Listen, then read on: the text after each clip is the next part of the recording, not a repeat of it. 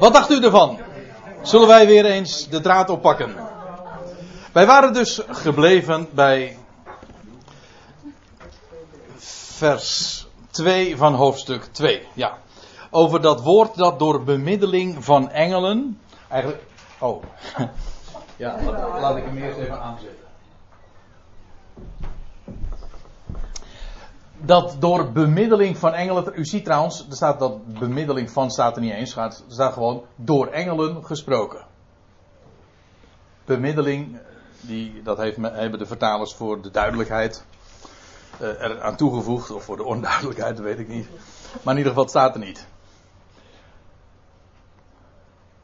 En uh, ik wees al even op dat woord van Stefanus, die uh, iets soortgelijks zegt, dat de wet door beschikking van engelen aan Israël is gegeven. Het gaat hier heel uitdrukkelijk dus over de wet, waarvan Stefanus dan zegt, die wet die, waar jullie je op beroemen, maar die jullie je helemaal zelf niet houden.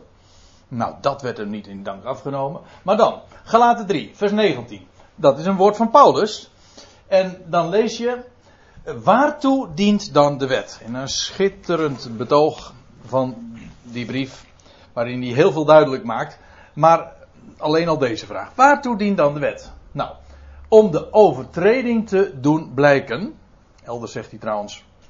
Om de overtreding, opdat de overtreding zou toenemen. Opdat de zonde zou toenemen. Romeinen 5 vers 20. Mensen denken dan van ja, die wet die is gegeven om de mens beter te maken. Nee, die wet is gegeven opdat de zonde zou toenemen. Want de wet is de prikkel der zonde. Nou ja, waartoe diende de wet? Om de overtreding te doen blijken is zij er bijgevoegd. Dat wil zeggen, de belofte was al veel eerder gegeven.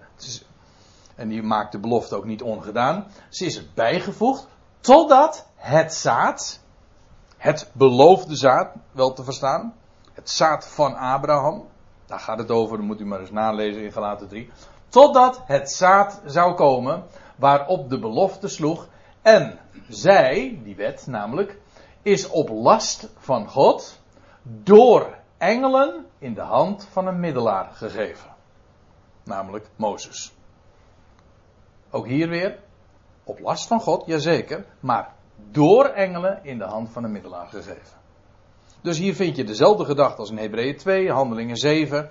Die wet is niet rechtstreeks, maar door engelen aan het volk gegeven. Dus die wet waar, zij het, waar Israël het, uh, zich op beroemde, die, aan de Hebreeën, die de Hebreeën kenden, dat was een woord van engelen. Maar dat betekent dus dat het woord dat wij nu kennen, namelijk het woord van de zoon, zoveel meer is, want de zoon is verheven boven de engelen. Maar daarvoor was, diende heel hoofdstuk 1 om dat aan te tonen. En al die citaten onderstrepen die boodschap. Tot wie van de engelen heeft hij ooit dit gezegd? Tot wie van de engelen heeft hij dat ooit gezegd? De zoon is zoveel verhevener boven de engelen. Dat was eh, de hele strekking van hoofdstuk 1, kort samengevat. Maar dat betekent dus dat ook het woord van de zoon zoveel meer is dan dat woord van engelen, namelijk de wet. Nou. Tot aan de komst van de zoon heb ik er nog even als aantekening bij gezegd. Bediende God zich van engelen. Maar nu, in het laatste dagen, spreekt hij tot ons door de zoon. Oké, nou, we gaan verder. Indien het woord door bemiddeling van, of gewoon door engelen gesproken, van kracht is gebleken en elke overtreding en ongehoorzaamheid rechtmatige vergelding heeft ontvangen. Nou, ik heb hier een plaatje bijgezet als illustratie. Ja, ik bedoel als illustratie van, van wat hier gezegd wordt. Maar het gouden kalf. Maar ik zou nog wel even verder kunnen gaan. God had zijn woord gegeven, dat wil zeggen de Torah gegeven. En elke overtreding en ongehoorzaamheid, die, die, uh, die werd vergolden. Bij deze gelegenheid ook. 3000 man uh, liet het leven bij die gelegenheid. Maar zo vaak, zoveel uh, zijn toen in de woestijn omgekomen, om niet te zeggen allemaal. Op twee na. Namelijk Caleb en Jozua. Ja, en voor de rest zijn ze allemaal omgekomen in de woestijn. Ja, dus de, elke overtreding, dat gaat dus heel duidelijk over uh, de wet. De wet wordt overtreden. Ook ongehoorzaamheid, dus weerbarstigheid. Wel, het kreeg een, een, een rechtvaardige, een fair, ja, een, een billijke vergelding, beloning. Nou, dat gold van een woord van engelen. Hoeveel, hoe zullen wij, Hebreeën, hoe zullen wij Hebreeën dan ontkomen indien wij, Hebreeën, geen ernst maken met zulk een heil? Ja, ik zeg dat er iedere keer even bij. Wij, Hebreeën. Ja, en dat is zo to the point. Want als dat al waar was, van dat woord dat door engelen gegeven was, als daar ongehoorzaamheid zo uh, beloond, vergolden werd, zo moet ik het zeggen, hoeveel te meer niet uh, dat andere, dat woord dat nu gegeven is en gesproken is door de zoon, als we dat naast ons neerleggen. En dat is ook precies waar de schrijver van de Hebreeënbrief uh, uitgebreid op in zal gaan. En het is ook werkelijkheid geworden. Die Hebreeën, het volk Israël, ik bedoel, die Hebreeën die daar in het land woonden. En uh, meer speciaal bij Jeruzalem. Maar daar, nou verwijs ik weer even terug naar de eerste avond. Die Hebreeën woonden daar in Israël, daar bij de tempel. En wat is er gebeurd? Enkele jaren nadat deze woorden zijn opgetekend en nadat ze dit gehoord hebben. Het volk is in de diaspora verdwenen. De stad is afgebrand. Is, er is geen steen op de andere van de tempel gebleven. En de hele tempeldienst is verdwenen. Kortom, uh, dit is precies uh, wat er gebeurd is. Hoe zullen wij ontkomen? Nou, het Israël is ook niet ontkomen. Waarom is dat gebeurd? Die gebeurtenissen hebben allemaal plaatsgevonden in het jaar 70 van onze jaartelling. Precies 40 jaar later, of zo u wilt, ongeveer 40 jaar later, maar dat staat nog te bezien als we ervan uitgaan dat de Heer Jezus is gestorven en opgestaan in het jaar 30. En 40 jaar later, een generatie, een geslacht verder, is dat onheil over de Hebreeën gekomen. Ze hebben geen acht gegeven op het woord van de zoon. Ze hebben hem verworpen. Hoewel het bevestigd is op alle mogelijke manieren. En dat is wat uh, de schrijver nu vervolgens ook zegt. Hoe zullen wij dan ontkomen indien wij geen ernst maken met zulk een heil? dat allereerst, of letterlijk staat er om te beginnen, of oorspronkelijk of aanvankelijk, verkondigd is door de Heer. Nee, dat is wel leuk trouwens dat dat zo gezegd wordt. Door de Heer. Hier wordt dus Jezus, de Messias, genoemd de Heer. Hij is Heer, krachtens zijn opstanding. Hij is gemaakt tot Heer en tot Christus door zijn opstanding. Wel, dat woord dat verkondigd is door de Heer en door hen die het gehoord hebben. Ik heb al eerder op dit woord gewezen, maar dat was een, een andere aanleiding. En dat is, dit werpt ook licht op, de, op het tijdstip wanneer deze brief geschreven is. En ook op wie de auteur is, of wie de auteur niet kan zijn, zo moet ik eigenlijk zeggen. Wie niet in aanmerking komen voor het auteurschap van deze brief. Waarom? Wel, hier zegt de schrijver, de Hebreeën schrijver. Het, is, het woord is allereerst verkondigd uh, door de Heer. En door hen die het gehoord hebben. Hen. Dus hij hoort daar zelf niet bij. Het gaat hier dus over de apostelen. Die hebben dat gehoord. En het is ons op betrouwbare wijze uh, ja, overgeleverd. Maar dat staat er eigenlijk niet. Er staat letterlijk, u ziet het hier trouwens, hè, was confirmed. Op betrouwbare wijze is eh, overgeleverd, dat is een hele mond vol, maar daar zeg je meer dan wat er. Daar zeg je meer dan wat er staat, maar ook minder, want er staat namelijk letterlijk was confirmed. Was bevestigd. Dat is van belang. Maar eerst eventjes dit. Dit geeft dus aan, dit, is een, dit zijn woorden die niet zijn geschreven. Zo uh, kort na de dood en opstanding van de Heer Jezus. Nee, een lange tijd later. De schrijver hoort zelf, die, die wist van, van Jezus' bediening en van het woord, van dat allereerst verkondigd is door de Heer. Hoe wist hij daarvan? Wel, het is hem verteld. Hij hoort ook niet bij degene die het zelf allemaal uh, hebben meegemaakt. Hij hoort niet bij die apostelen. Hij, het is hem overgeleverd. En dan dit. Uh, op betrouwbare wijze is overgeleverd. Letterlijk, zoals gezegd, uh, was bevestigd.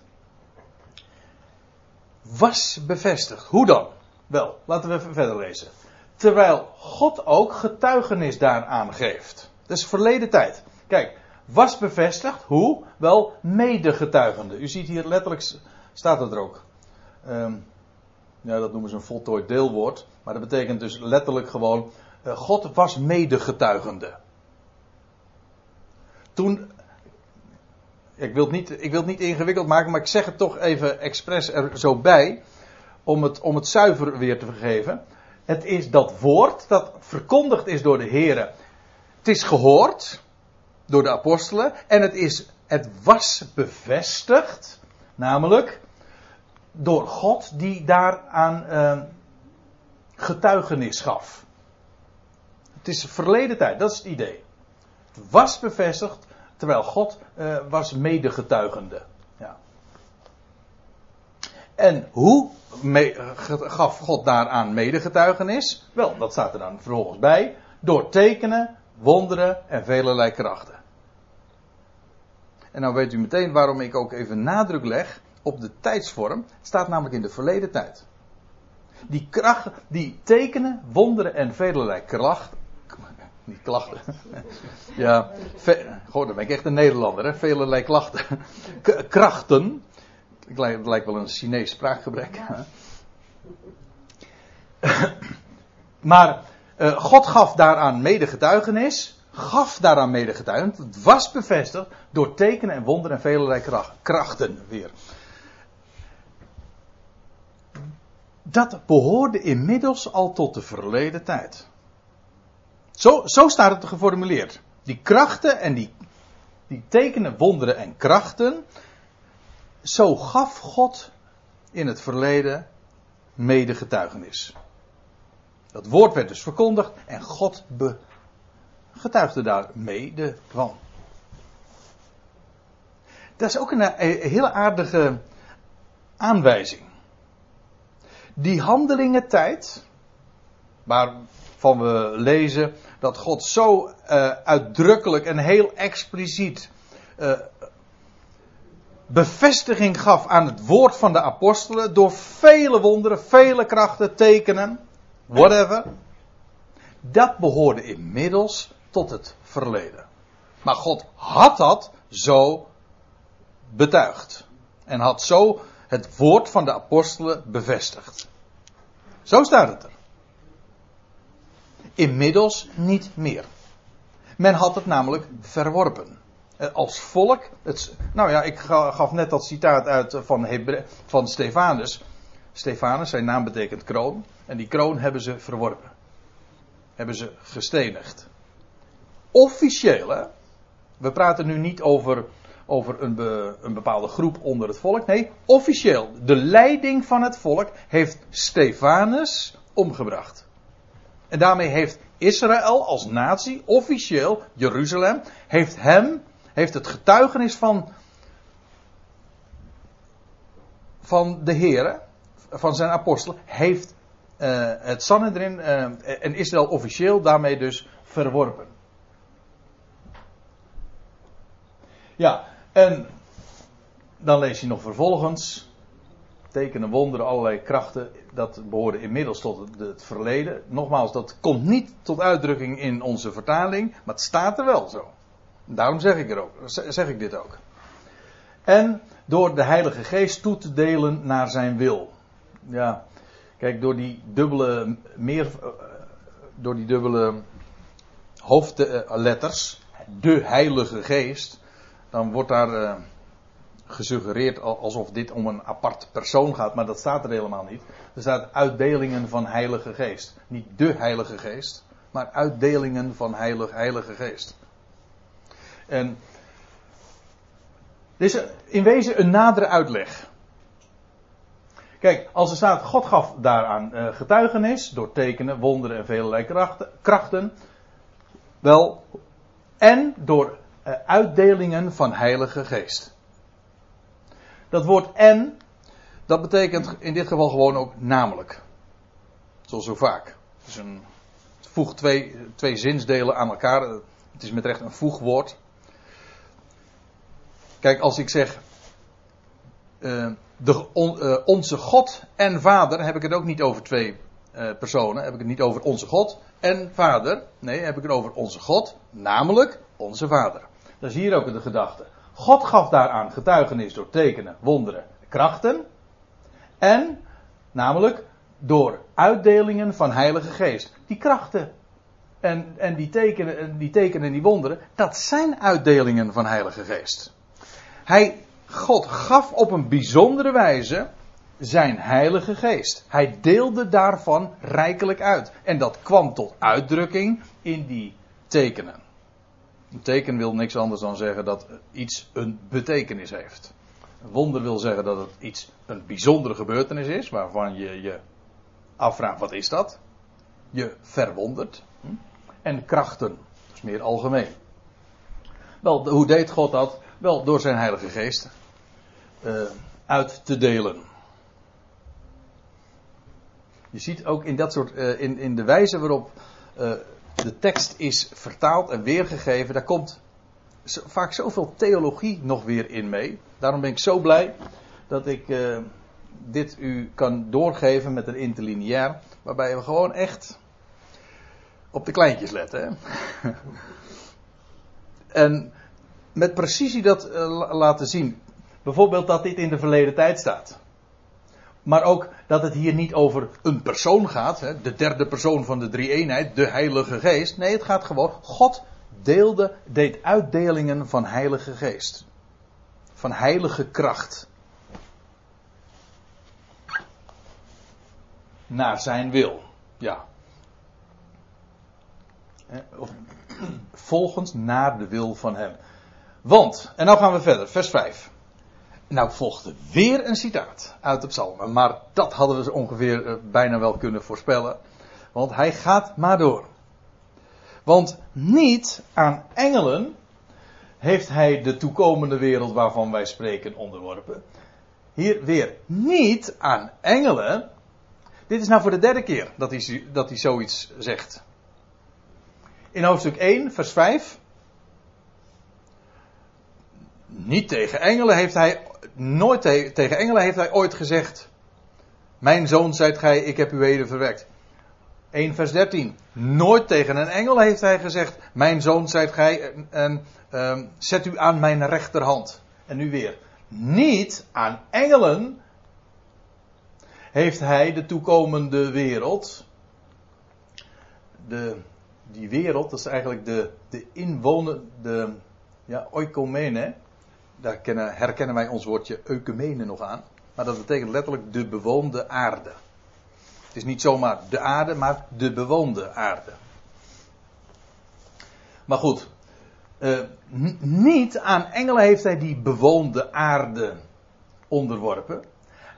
Kijk, de schrijver zegt, daarover hebben wij het. Als we het hebben over de zoon, die zal heersen, dan hebben we het niet over de tegenwoordige wereld, maar over de toekomende. Dat is een belangrijk woord hoor. Want hoe vaak uh, wordt daar niet gezegd, en het is eigenlijk ook de officiële leer vanaf Augustinus, dat Christus vandaag heerst. Dat kon men ook makkelijk zeggen toen eenmaal het, uh, het christendom een, een uh, officiële status kreeg. En zelfs een, een, eh, een, christelijke keizer. Het Romeinse Rijk kreeg een christelijke keizer, Constantijn. En toen dacht men, oh, uh, kennelijk is het Messiaanse Rijk al aangebroken. En met terugwerkende kracht heeft men de hele theologie zo gemaakt dat Christus eigenlijk vanaf zijn hemelvaart al heerst. Een, een wanstaltige gedachte. Afgezien van het feit dat het christendom zelf een wanstaltig gedrocht was geworden. Maar waarom? Het is niet de tegenwoordige wereld die aan Christus is onderworpen. Hij is nu verborgen. En wij zien helemaal nog niet dat dingen hem onderworpen zijn. De toekomende wereld, die zal aan hem zijn onderworpen. Het Laat u nooit wijsmaken dat die gedachte dat wij vandaag in het Messiaanse Rijk zou uh, leven, uh, waarin koning Jezus zou heersen. Ik vind het trouwens een gênant idee. Dat als dit de wereld is waarin de zoon heerst. Nee, natuurlijk niet. Het is een dwaze gedachte. Dat is straks. Het is de toekomende wereld die aan hem zal zijn onderworpen. En niet de tegenwoordige. En wat doet de zoon nu dan? Wel, hij is gezeten. Hij zit aan Gods rechterhand. Daarboven, in het hemelsheiligdom. En hij wacht. Totdat. Totdat zijn vijanden gesteld zullen worden. Totdat God de vijanden zal maken, zal plaatsen tot de voetbank voor zijn voeten. En wij leven dus nu in die tijd dat hij ontrokken is aan het oog. Tot op de dag van vandaag. Maar het is dus die toekomende wereld die uh, aan hem zal zijn onderworpen. En nou is het wel grappig, deze, dit woord, die, die, dat begrip de toekomende, dat komen we nog een aantal keren meer tegen in de Hebreeënbrief. Ik zal ze u laten zien. In hoofdstuk 6, vers 5 spreekt hij over de toekomende eeuw. De toekomende aion. In vers, hoofdstuk 10, vers 1 spreekt hij over de hoge priester van de toekomende goederen. Ja, goederen, dan moet je niet denken aan, aan artikelen, maar het is eigenlijk het meervoud van goed. Goede dingen dus. Dat is een beetje moeilijk in het Nederlands te zeggen. Maar het is het meer, dat woord goederen is een meervoud van goed. Dus toekomende goede dingen. Straks als hij uit het heiligdom zal komen, dan zal hij die, al die dingen die wij nu al kennen, zullen dan openbaar worden. Dat wat nu verborgen is, zal straks openbaar worden. In de toekomende eeuw, in de toekomende wereld, zal hij die toekomende goede dingen uh, openbaren. En dan in hoofdstuk 13, vers 14 wordt er nog gesproken over de toekomende stad. Gaat het ook over het Jeruzalem. Daar heeft de schrijver het over. En over de tijd in afwachting daarvan. Maar dan praten we over zijn priesterlijke functie. Thans, als we het hebben over zijn koninklijke functie, dan is het de toekomende wereld. Niet de tegenwoordige. Ja, de toekomende wereld is aan hem onderworpen. Uh, maar het, zijn, zijn punt is trouwens vooral, uh, niet aan engelen is dat aan wie de toekomende wereld is, zal zijn onderworpen. Maar iemand heeft ergens betuigd, en ik kan u wel verklappen, die iemand dat is David en dat ergens is Psalm 8. Staat er gewoon bij. Want nu gaat hij vervolgens uh, citeren. Hier volgt, uh, als je het uh, literair of stilistisch zo weergeeft, dan zou hier de, de aanhalingstekens beginnen, worden geopend. Namelijk, wat is de mens dat gij zijner gedenkt? Dat is een bekend woord. Het wordt vaak ook ge, geciteerd in, bij andere gelegenheden. In de kerk wordt het vaak gezongen. Psalm 8. Wat is de mens dat gij zijner gedenkt? En wat wordt er alom gezegd en gedacht? Dit gaat over de mens, u en ik, in het algemeen. En dan raad ik iedereen die dat denkt, is aan om Hebreeën 2 te lezen. Want dan weet, je, dan weet je meteen beter. Dan word je meteen in één keer ook verlost van dat, van dat idee. Uh, wat is de mens dat gij zijner gedenkt, dat, dat u aan hem denkt? Of des mensen zoon, de zoon van, des, de zoon van de mens, of zoon van mens, de mensenzoon. Alleen die uitdrukking al, zou je aan denken moeten zetten. De zoon des mensen. De zoon eigenlijk in, te, in het Hebreeuws, want het is natuurlijk een citaat uit Psalm 8. In het Hebreeuws staat er gewoon Ben Adam. Ben, de erfgenaam, de lotsdeelbezitter, de erfgenaam van Adam. Het gaat hier over die mensenzoon en dat gij naar hem omziet. En nou, het citaat gaat verder, want u kunt het allemaal terugvinden in Psalm 8. Maar nou, nou wordt het wat complex. Maar wel heel boeiend. Want gij hebt hem voor een korte tijd beneden de engelen gesteld. Hey. Dat staat hier in Hebreeën 2. Maar nou gaan we even naar Psalm, naar Psalm 8. Zelf toe. U ziet hier de Hebreeuwse versie. Daar staat, als, als u dat uh, meeleest in de NBG-vertaling, toch hebt gij hem bijna goddelijk gemaakt. Vandaar ook dat het natuurlijk heel dikwijls in de kerken uh, wordt aangehaald van dit gaat over de mens. De mens is zo hoog verheven en die, die heer, mag heersen over Gods schepping en we zijn bijna goddelijk gemaakt. Dat gaat over ons in het algemeen. Maar dat is niet waar het over gaat. Hoe kan dat? Als u trouwens een statenvertaling hebt, dan zult u inderdaad zien dat in Psalm 8 het zo vertaald wordt. Gij hebt hem voor een korte tijd beneden de engelen gesteld. Hoe, hoe, van waar dat verschil? Gij hebt hem bijna goddelijk gemaakt met de heerlijkheid en luister gekroond. Van waar dat verschil? Nou, nou, ik aarzel eventjes om dat te gaan uitleggen, maar ik wil het kort even aanstippen. En ik hoop niet ingewikkeld te doen, maar het punt is dit. Er staat in het Hebreeuws dit. Gij hebt hem, ik even letterlijk vertaald, gij hebt hem weinig minder dan Elohim gemaakt. En dat is wat, als je het zo formuleert, wat uh, polyinterpretabel. Dat is, wat, wat, wat betekent dat? Wat betekent weinig? En wat betekent Elohim? Elohim is een meervoudsvorm, dat betekent, dat is normaal gesproken de aanduiding gewoon van God. Maar letterlijk is het een, betekent het goden. Kijk, dan, krijg, dan zou je dus dit krijgen. Wat betekenen deze woorden? Wel, punt is. De schrijver van de Hebreeënbrief haalt Psalm 8 aan. Maar hij doet dat niet uit de Hebreeuwse Bijbel, hij doet dat uit de zogenoemde Septuagint de Griekse vertaling van, de, van Psalm 8. En daar staat: Gij hebt hem een korte tijd beneden de engelen gesteld. Hoe komt dat? Waarom heeft men dat zo weergegeven? Een weinig betekent gewoon, sorry, een korte tijd. Een korte tijd minder dan de goden, namelijk de engelen, gemaakt. Niet, ja, de, deze weergave is precies tegenovergesteld aan dit. In dit geval zou het betekenen van, gij hebt hem bijna goddelijk gemaakt, zo hoog. Maar hier is het juist, uh, is het juist een aanduiding van zijn vernedering. Gij hebt hem een korte tijd zelfs beneden de engelen gesteld. Wel, één ding kan ik u verklappen. De schrijver van de Hebreeën is daar volstrekt helder in. Er staat dit.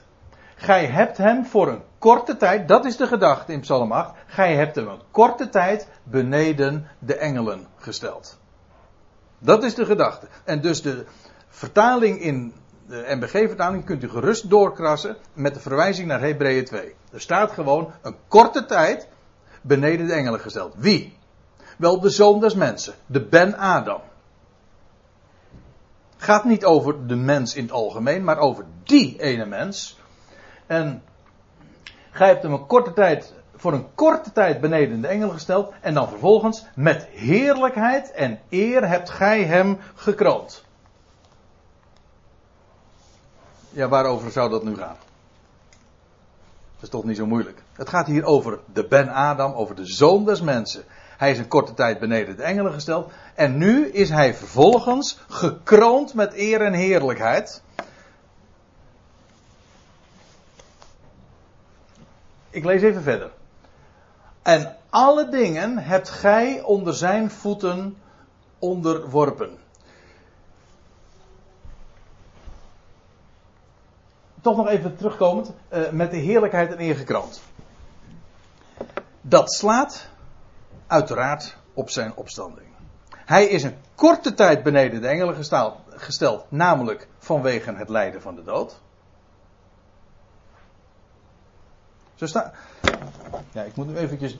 Ik zit nu even te aarzelen om het. uit te leggen. Ja, want later zegt de schrijver dit ook. Wij zien Jezus die voor een korte tijd beneden de engelen gesteld was. Vanwege het lijden des doods. Hoezo dan?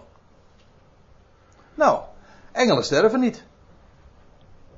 Hij was een korte tijd beneden de engelen gesteld. Om hele simpele reden. Engelen sterven niet. Dus toen hij stierf, was hij beneden de engelen gesteld. Dat was maar een korte tijd. Namelijk drie dagen. En als er dan vervolgens staat. En nou ga ik weer even terug.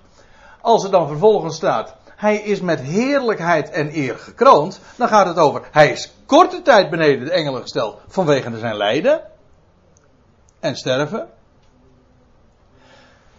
Vervolgens is hij met heerlijkheid en eer gekroond. Die heerlijkheid is de heerlijkheid van de opstanding, van een onvergankelijk leven.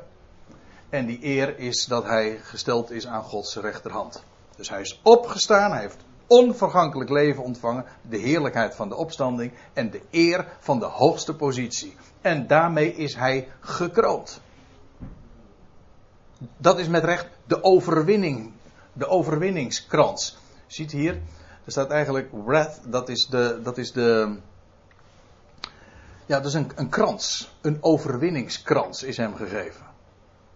Die overwinningskrans is de overwinning op de dood. Hij stond op uit de doden in heerlijkheid en hij kreeg een positie van de aller, allerhoogste eer.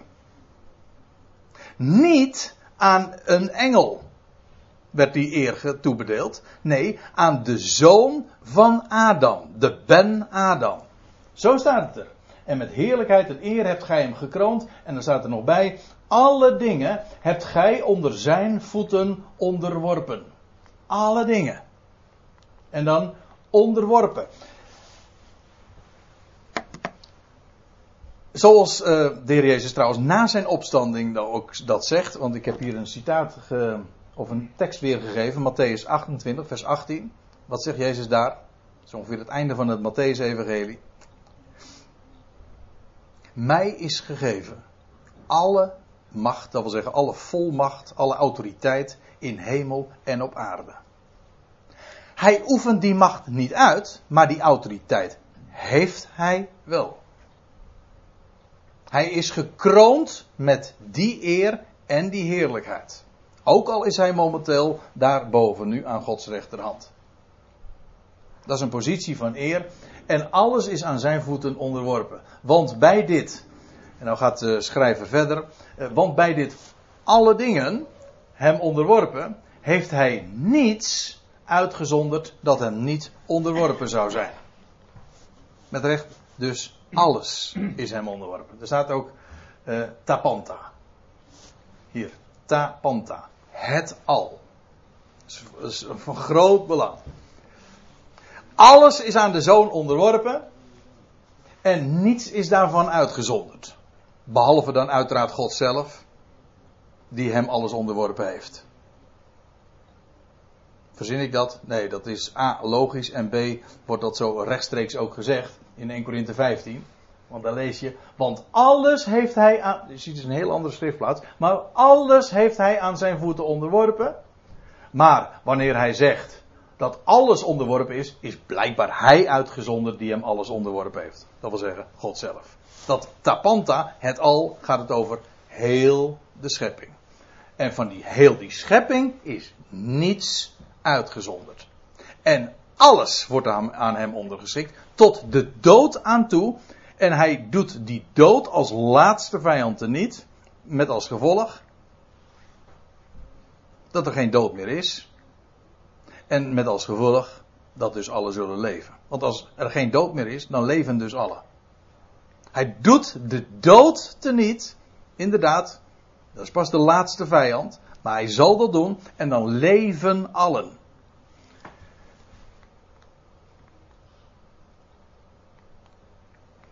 alle dingen hem onderworpen, heeft er niets uitgezonden dat er niet onderworpen zou zijn.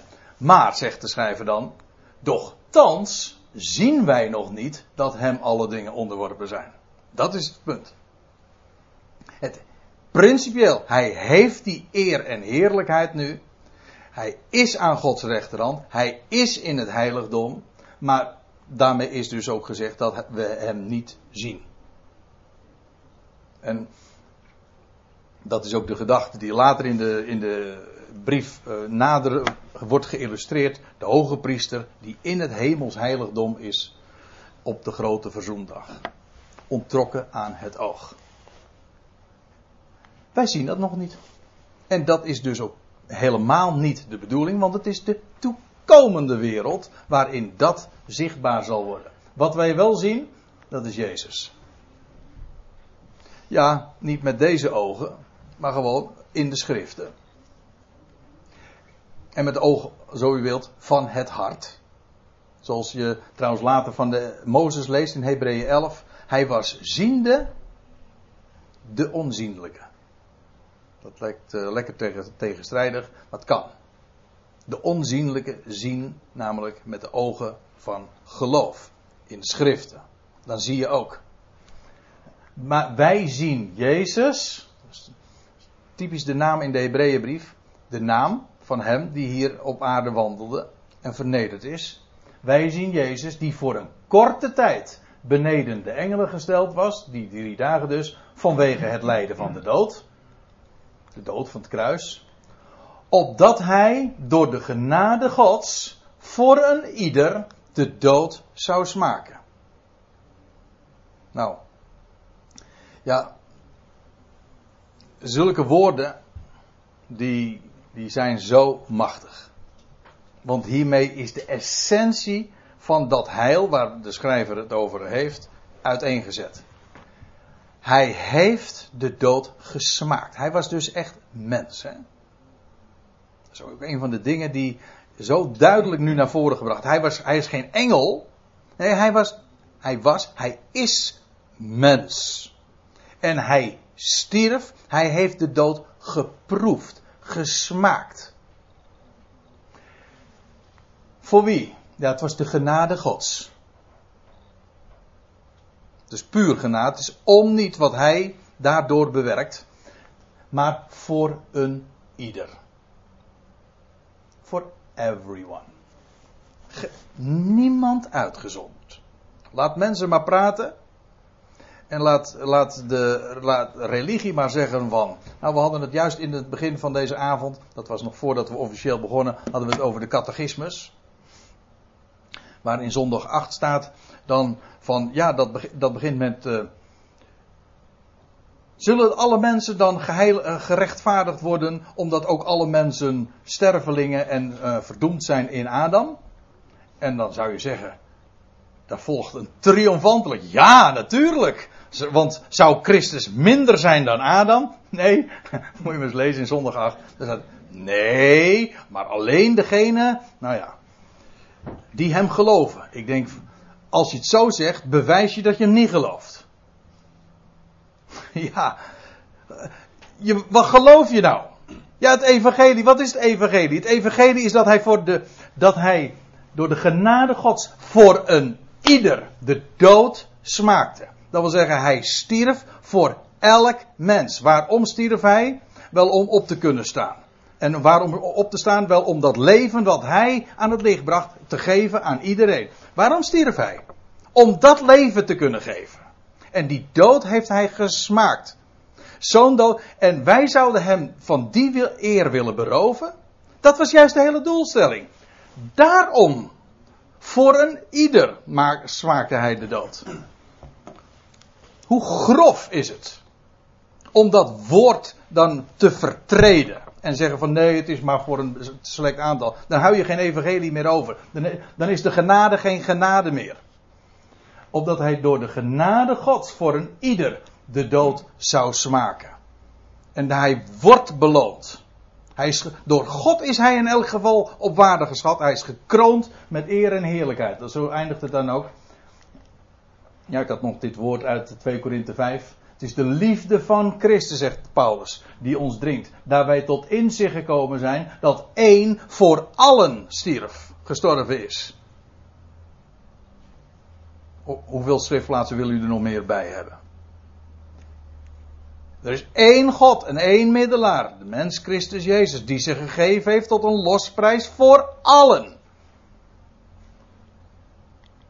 Ja, nou die mens Die zoon van Adam, die is thans gekroond met heerlijkheid en eer. En weliswaar zien wij dat nog niet, maar wij zien hem. En wij, wij weten dat hij ooit stierf voor elk mens. En dat waarmee hij gekroond is, namelijk die heerlijkheid en eer, die gaat hij geven aan elk mensenkind. Dat is het loon op zijn werk. Heerlijkheid en eer gekroond. En ik stel voor dat we het daar maar bij laten voor vanavond. En daarmee hebben we toch vanavond toch een aardige sprong voorwaarts gemaakt. Hè? Naar hoofdstuk 2, vers 9, nietwaar?